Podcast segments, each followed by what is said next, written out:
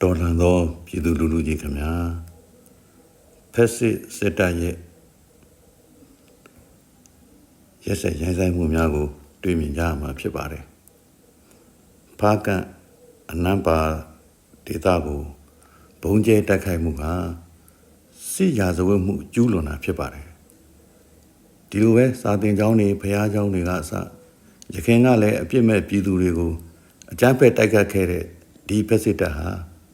အခုဖားကန်အနံပါဘုံကျဲတိုက်ခိုက်မှုဟာဖြင့်နာမည်ကြီးအမှုပညာရှင်တွေအပါအဝင် ပြည်သူတွေများစွာတေဆုံးထိခဲ့ရသည့်တိုင်ဇွတ်ညင်းပြီးကဘာကို မထေမဲ့မြင် အခါကပြုတ်ပြနေတော့မှာပဲဒီအတွက်ပြည်တွင်းပြည်ပပြည်သူအလုံးတိုင်းသားဒေါ်လာရေးအင်အားစုတွေပါမကြမ်းတခဲနဲ့စန့်ကျင်နေကြတာပါဒီလိုရက်ဆက်ကြမ်းကြုတ်လူဝန်ဆန်မှုတွေကို စီရဇဝဲမှုကျူးလွန်နိုင်ဖြစ်ကြောင်းအဲ့ဒီလိုပဲမတရားခံရတဲ့ပြည်သူတွေကိုအကာအကွယ်ပေးဖို့ခုခံစရာတွေလိုအပ်နေကြောင်း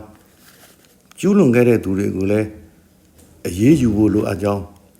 ဒါကဘာကိုသိစေဖို့ကျွန်တော်တို့နီလန်းပေါင်းစုံနဲ့အတိပေးနှိုးဆော်ရပါမယ်ဆေးအာနာရှင်ကိုစန့်ကျင်တိုက်ပွဲဝင်နေတဲ့တော်လန်ရေးအင်အားစုအားလုံးဟာတကွဲတပြား ထင်းချောင်းများလို့မနေပဲထင်းစည်းလို့ပေါင်းစုနေတယ်ဆိုတာပြရမှာပါပဲလက်ချောင်းနေတစ်ချောင်းချင်းအချိုးမခံပဲလက်တီးကြစ်ကြစ်ဆုပ်ဗျိုင်းတူဝိုင်းတိုက်ရမယ်အချိန်ခါပဲဖြစ်ကြောင်းတန်ပြိုင်ဟိရမြင့်အချိန်ပါပဲဒါကြောင့်ဒီလှုပ်ရှားမှုမှာတပိတ်နီလန်းပေါင်းစုံအပါအဝင်ပေါ့ကိုပါဝင်နိုင်တဲ့နီလန်းတွေကိုရွေးပြီးစွမ်းသမျှပါဝင်ကြဖို့